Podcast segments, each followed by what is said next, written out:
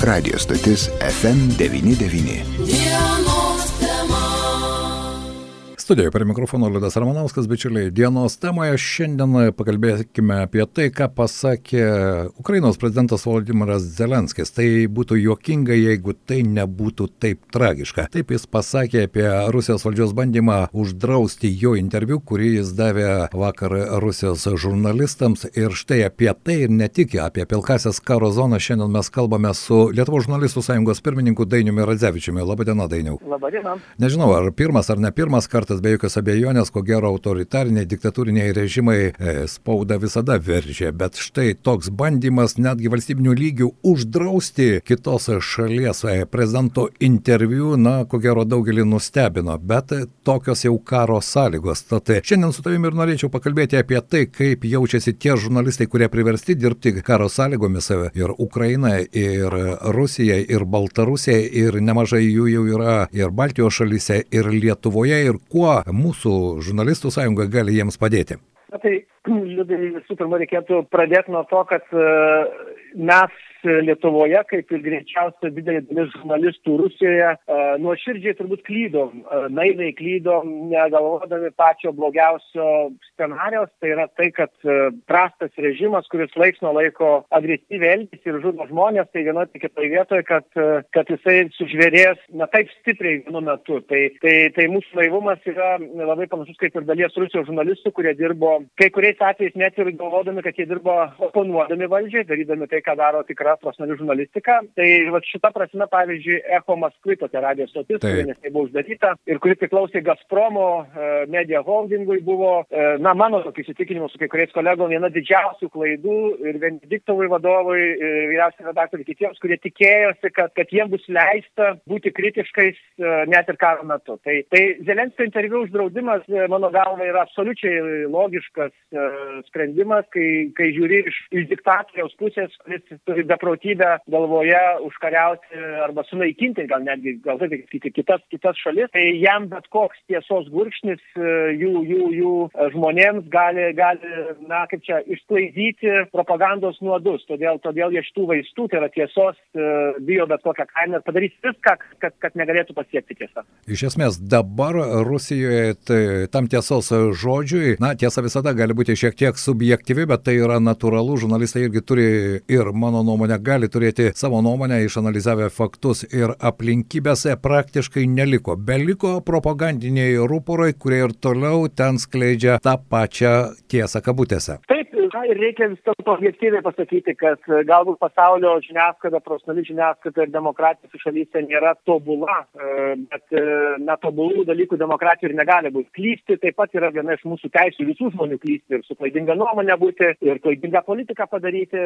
ir, ir, ir tai, tai demokratija normalu, neklysta diktatūros. Tai, tai, tai kabutėse aš tą noriu pasakyti. Tai e, šiandieną iš Rusijos viešos erdvės išvalomi paskutiniai daigeliai, kurie gali sukelti nors mažiausią grėsmę režimui. Ir aš tiesiog vieną pavyzdį visiems sakau. Tai, kad Rusijos valdžia uždraudė jų pradėtą karą vadinti karu, tai yra aukščiausios formos melo e, toks įteisinimas ir signalas visiems kitiems, kad e, net, net ir mažesniuose dalykuose dabar nebegalėsite laisvai reikšti savo minčių. Kalbėsite taip, kaip mes reikalaujame. Tai yra vadinsite taip. daiktus juodą, vadinsit baltą, o baltą juodą, jeigu mes to norėsim. Tai čia tokia yra oficiali Rusijos politika, kurią prižiūri ten tokia įstaiga, visi Roskomnadzor. Taip, Roskomnadzor. Ir dar vienas dalykas, nors dabar ko gero iš tos virtuvės, iš tos stovyklos niekas nestebina, kaip greitai priimami įstatymai įstatymai ar ne baudžiamoji atsakomybė iki 15 metų, na ir taip toliau, tiesiog lavina. Bet iš kitos pusės, dainiau, na, ten vis tik dar yra likusių žmonių. Aš neskirstau e, visuotinės kalties, bet iš esmės tų pačių žurnalistų, kurie vis tik dar bando kažką daryti, tie patys Echa Maskvai, žurnalistai, jie atidarė savo kanalus YouTube, kol dar gali tai daryti, jie vis dėlto ne visi juk pabėgo iš Rusijos. Žinoma, tai e, aš dar daugiau turbūt pasakysiu, kol kas Rusijoje vis dar yra ir knygų, protingų gerų knygų, kuriuose galima rasti atsakymus ir į dabartinės Putino diktatūros, taip sakant, atsakymus į jos atsiradimo prielaidas, tai, tai visko taip lengvai neišvalys Rusijoje, galų galiai yra tas galimybės pasiekti tiems žmonėms, kurie nori pasiekti tiesos. Bet matot, šiandieną gal reikia liūdai mums irgi atvirai pasakyti, kad uh, žmonės, kurie tikisi, kad vien tik kariniam priemonėm arba vien tik uh, žiniasklaida galima išspręsti giluminės socialinės, ten, kultūrinės, geopolitinės problemas, na, pernelyg naiviai galvoja. Kitaip tariant, Taip. žurnalistika versus propaganda arba atvirkščiai, ten ginklas prieš ginklą, tai yra galingi instrumentai, galingi instrumentai, kai kada labai baisus instrumentai, bet e, nereikia jų su, su, su na, kulto paversti tokiu, kaip sakyti, ir problema, ir sprendimu. Taip, Taip. viskas nesidėlioja ir atsakymas guli vis dėlto daugelį problemų žmonių sprendimuose. Tai yra kaip žmonės pasiskaitę, pasiklausę, pasižiūrėję elgsis. Jie gali suprasti, kas yra blogai, bet vis tiek daryti blogai. Aš taip kartais juokauju, bet Lietuvoje visi žmonės žino, kad širdies ir kraujagyslių lygos yra dažniausiai mirties priežastis. Bet jeigu pažiūrėsime į cholesterolio vartojimo kiekius ir alkoholio vartojimo kiekius, panašu, kad mes, e, kaip čia turim visuomenę, kur yra kreivų veidrodžių kartais. Visi viską žino, bet elgesi visai kitaip. Tai va, Rusija yra dar labiau išskirtinė šalis, kurioje žmonės žino, kas yra Putinas, koks jo režimas, bet, e, bet daliai žmonių, pavyzdžiui, patinka būti didelės imperijos dalimi. Ir šitas imperializmas yra didžioji, na turbūt lyga, sakyčiau, sunkioji lyga, tai būtent noras valdyti arba įtakoti aplinkinius. Ir čia jau sunkesnė lyga negu žiniasklaida gali spręsti. Be jokios abejonės, bet grįžtant prie žiniasklaidos dainiau, ko gero, štai 33 dienos karas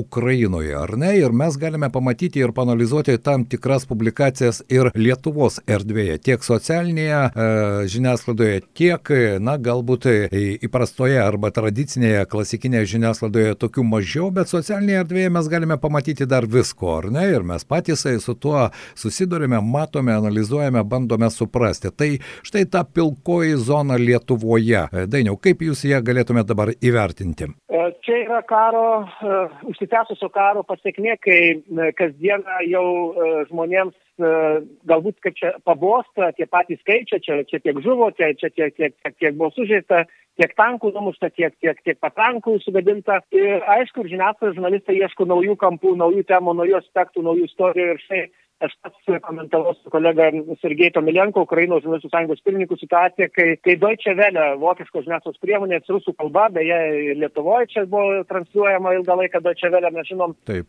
žurnalistai nusprendė paklausinėti vieno Rusijos okupantų kareivio žuvusio Ukrainoje mamos, kaip jinai jaučiasi, ką jinai galvoja apie karą. Ir, ir, ir, ir netyčia, na kaip sakyti, atrodo paprasta istorija, paprastas interviu, bet jis yra ne šiaip pilkoji zona. Žinot, e, šitoje situacijoje mes turim suprasti, kad okupanto agresoriaus, e, žuvusio, kad ir okupanto agresoriaus mamos jausmai gal yra svarbus dalykas, bet turbūt žymiai svarbiau žurnalistą nepamiršti Ukrainos gynėjų, karių, kurie gina tėvynę, e, mamų, žmonų ir vaikų jausmus. Ir ir matot kartais žurnalistai iš to noro parodyti nematytas temas, galbūt nematytą kampą, kartais netyčia tampa, na, paaišku, paties Kremliaus naratyvo, tokio vadinamo, arba Kremliaus propagandos e, rodytojai, kad, kad žūsta eiliniai kariai Rusijos irgi didvyriškai kariauja, jie ten reiškia dėl kažko, tai va už tai tų pilkų zonų atsiranda ir pas mus pasiskarbė, ir mes turim būti iš tikrųjų labai budrus, kad e, domėdamėsi karu nepradėtume netyčia užkipti ant jauko, kurį mums gali pamesti, na, tie, kas, kas galbūt irgi nebūtinai viską susimastė, taip sakant, iš anksto ir, ir, ir nuslydo paviršiumi. Bet propagandinė mašina, kalbant apie Rusijos propagandinę mašiną, jį dabar dirba kol kas ko gero geriau negu jų karinė mašina Ukrainoje. Reikia pripažinti, kad tikrai taip. E, ir jeigu mes tą žodį geriau, aišku, pakeistume į žodį efektyvų, nes taip. E, galbūt tai būtų teisingiau, tai, tai panašu, kad ta mašina, aišku, ne šiandien užkurta. Čia reikia pripažinti, kad Rusijos propagandos mašina žymiai platesnė negu jų žiniasklaida. Jis buvo seniai e, sumodifikuota taip, kad papildytų vieni instrumentai kitus. Pavyzdžiui, Rusijos mokyklos, vidurinio mokyklų programos, man yra tekę matyti kai kurias tas programas, e, juose buvo siejama sėkla jau, jau, jau, jau ne vieną dešimtmetį tos imperialistinės tokios istorijos traktavimo ir, ir, ir, ir to, to jausmo žmonių viduje, e, reiškia, formavimo, kurį propaganda vėliau palaiko į tiesiog jau, jau saugus žmonėm ateinant į rinką, e, kur vartojama jau nebe knygos, o televizijos laidos. Tai, tai iš tikrųjų, na, galim sakyti taip, investicijos žymiai didesnės buvo turbūt net ne į kariuomenę, o į propagandos struktūrą visą, švietimas, Taip. kultūra, vadinamoji, nežinau, pop kultūra, ypatingai kino industrija. Tai visa tai buvo susisiekiantys indai, siekiant, siekiant paversti žmonės tokiais, kokie dabar Rusijoje didelė dalis dėja yra, tai yra palaikant iš tą režimą.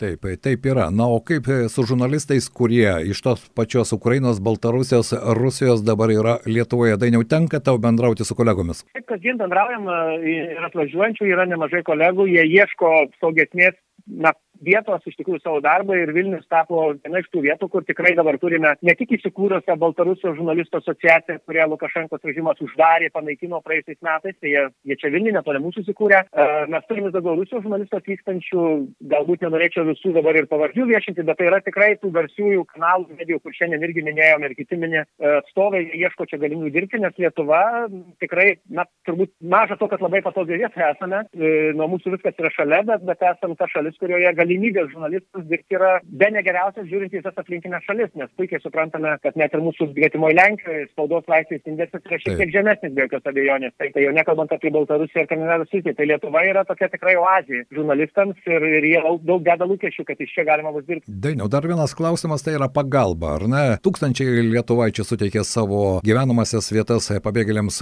kurių jau 35 tūkstančiai, na ir visi, kas gali, savanoriauja.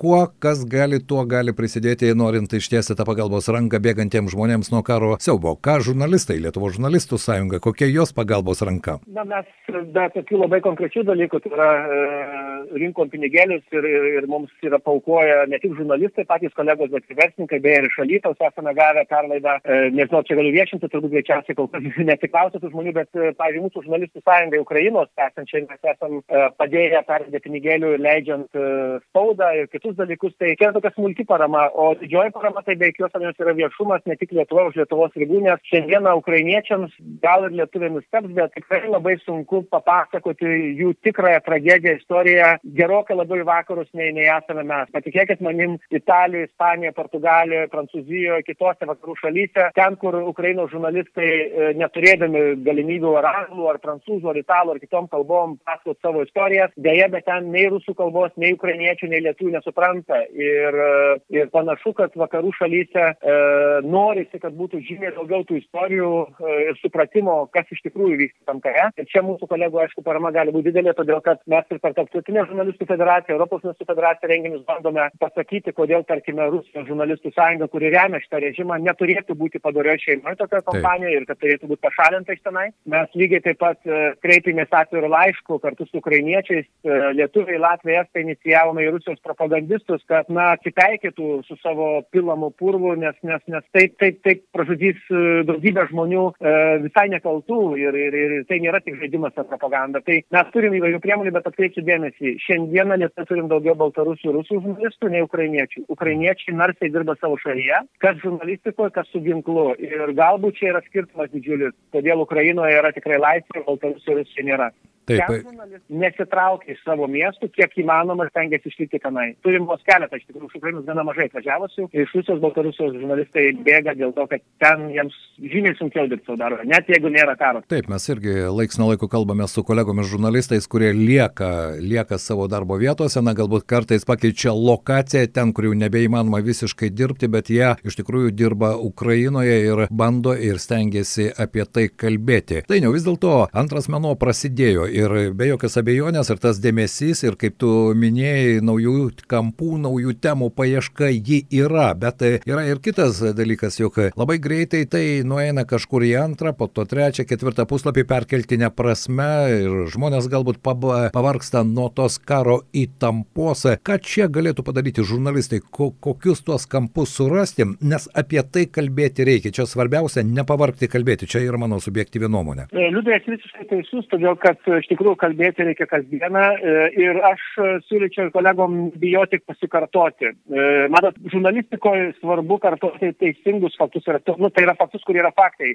Propagandistai kartuoja išgalvotas istorijas ir kaip matom jos veikia, bet lygiai taip pat veikia ir tiesa.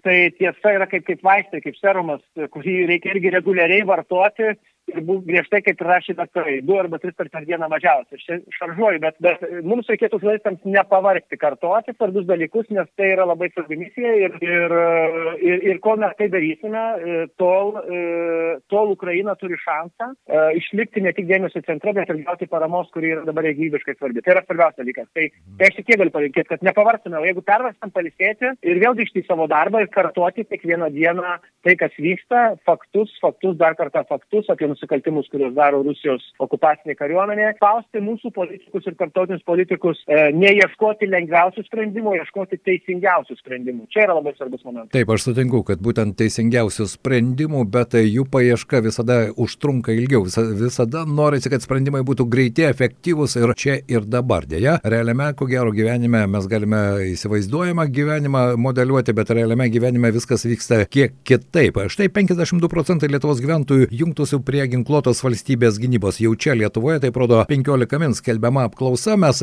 pasidalinome tuo su savo Facebook'o bičiuliais radio stoties puslapyje ir iš karto atsiranda skeptikų. Iš kur jūs traukite? Nesąmonė, visa tai negali būti. Aš nieko neleisčiau į karą. Pirmiausia, pasižiūrėčiau, kas ten pirmas eitų ginti tą tėvynę, o tik po to galvočiau, ar verta ar neverta. Štai tokių nuomonių irgi yra. Yra, bet um, man atrodo, čia reikėtų mūsų kaip žurnalistams kiekvieną faktą pabandyti kartais su ekspertais pakomentuoti. Tarkim, ir dabar Ukrainoje karo metu ne visi šimtų procentų žmonių su ginklu gina savo šalį. Yra daugybė Taip. svarbių darbų uh, ir ne tik medikai, ne tik ugniagesiai, ne tik tai ka ka kariškiai gynėjai, ir, ir, ir maisto ar svos vyrėjai, ir, ir, ir, ir, ir ir sprogdengiai reikalingi. Kitaip tariant, yra daugybė vietų, kur tu gali padėti savo šalį net ir karo metu nebūtinai kaip su ginklu rankomis, rankose. Tai, tai aš nenuskarčiau, kad Lietuvoje tas procentas galbūt 52 pasiryžusių yra tikrai tų, kurie mano, kad jeigu reikės, galėčiau ir ginklu ginti. Bet aš spėju, kad lietuviai tikrai yra pakankamai gera fantazija, gera apie tos prasme žmonės, kad jeigu reikėtų gintis, galbūt rastų ir kitų priemonių, kartais žymiai efektyvesnių nei ginklas. Ir mes žinom iš savo patirties, kad savo laiku, prieš 30 metų su truputėliu dainomis pavyko nuo tanko apsiginti geriau nei su ginklu. Tai, aš kažkaip į tą statistiką žiūriu kaip, na, į emocinę būklę ir pasižymą, kas mane džiugina. Ir labai spėju, kad didelė dalis žmonių, kurie ne ginklu gintų, lygiai taip pat gintų savo šalį ir padėtų tik tai kitom priemonėm. Dar vienas klausimas mūsų pokalbio pabaigoje su Dainiumi Radzevičiumi, Lietuvos žurnalistų sąjungos pirmininku, tai netgi karo baisumuose nedingstantis ukrainiečių humoro jausmas. Jį galima pagauti. Iš kur jis, kaip tau atrodo? E, žinot, aš, aš visą laiką galvoju, kur, kai antrą dieną karo įvykių žinau pirmąjį anegdotą ukrainiečių apie, apie rusų kolonos, rusų kariuomenės kolonos stabdymo. E, ir jis buvo toks taiklus, toks stiprus, kad e, aš supratau, kad tai gali daryti tik tai vieninteliai žmonės. Žmonės, kurie turi stiprų laisvės jausmą. Juokauti net ir karo metu gali tik tai laisvi, širdie laisvi žmonės, o jokiam režime to nėra. Jeigu matėte, Putino viena iš pirmųjų sprendimų buvo uždrausti Zelenskio humoro laidą, e, išimti Galkiną, reiškia, humoristą tokį Rusiją populiarų. Tai reiškia, kad režimai labiausiai bijo tų žmonių, kurie yra, kurie moka ginti šalį, netgi žūti šalį su šypsena veide, su humoru doze. Tai ukrainiečiai laisva šalis, tai yra stiprybė. Kągi, tikėkime, tikime tą stiprybę ir padėkime jiems. Ačiū Dainiau šiandien už pokalbį linkiu geros kloties, ir žinoma palaikymo kolegoms. Dėkui Jums. Ačiū, ačiū litiškiams, kartu mes viską įveiksim. Ačiū. Dainius Radzevičius, žurnalistų sąjungos pirmininkas, buvo mūsų dienos temos pašnekovas. FM 99.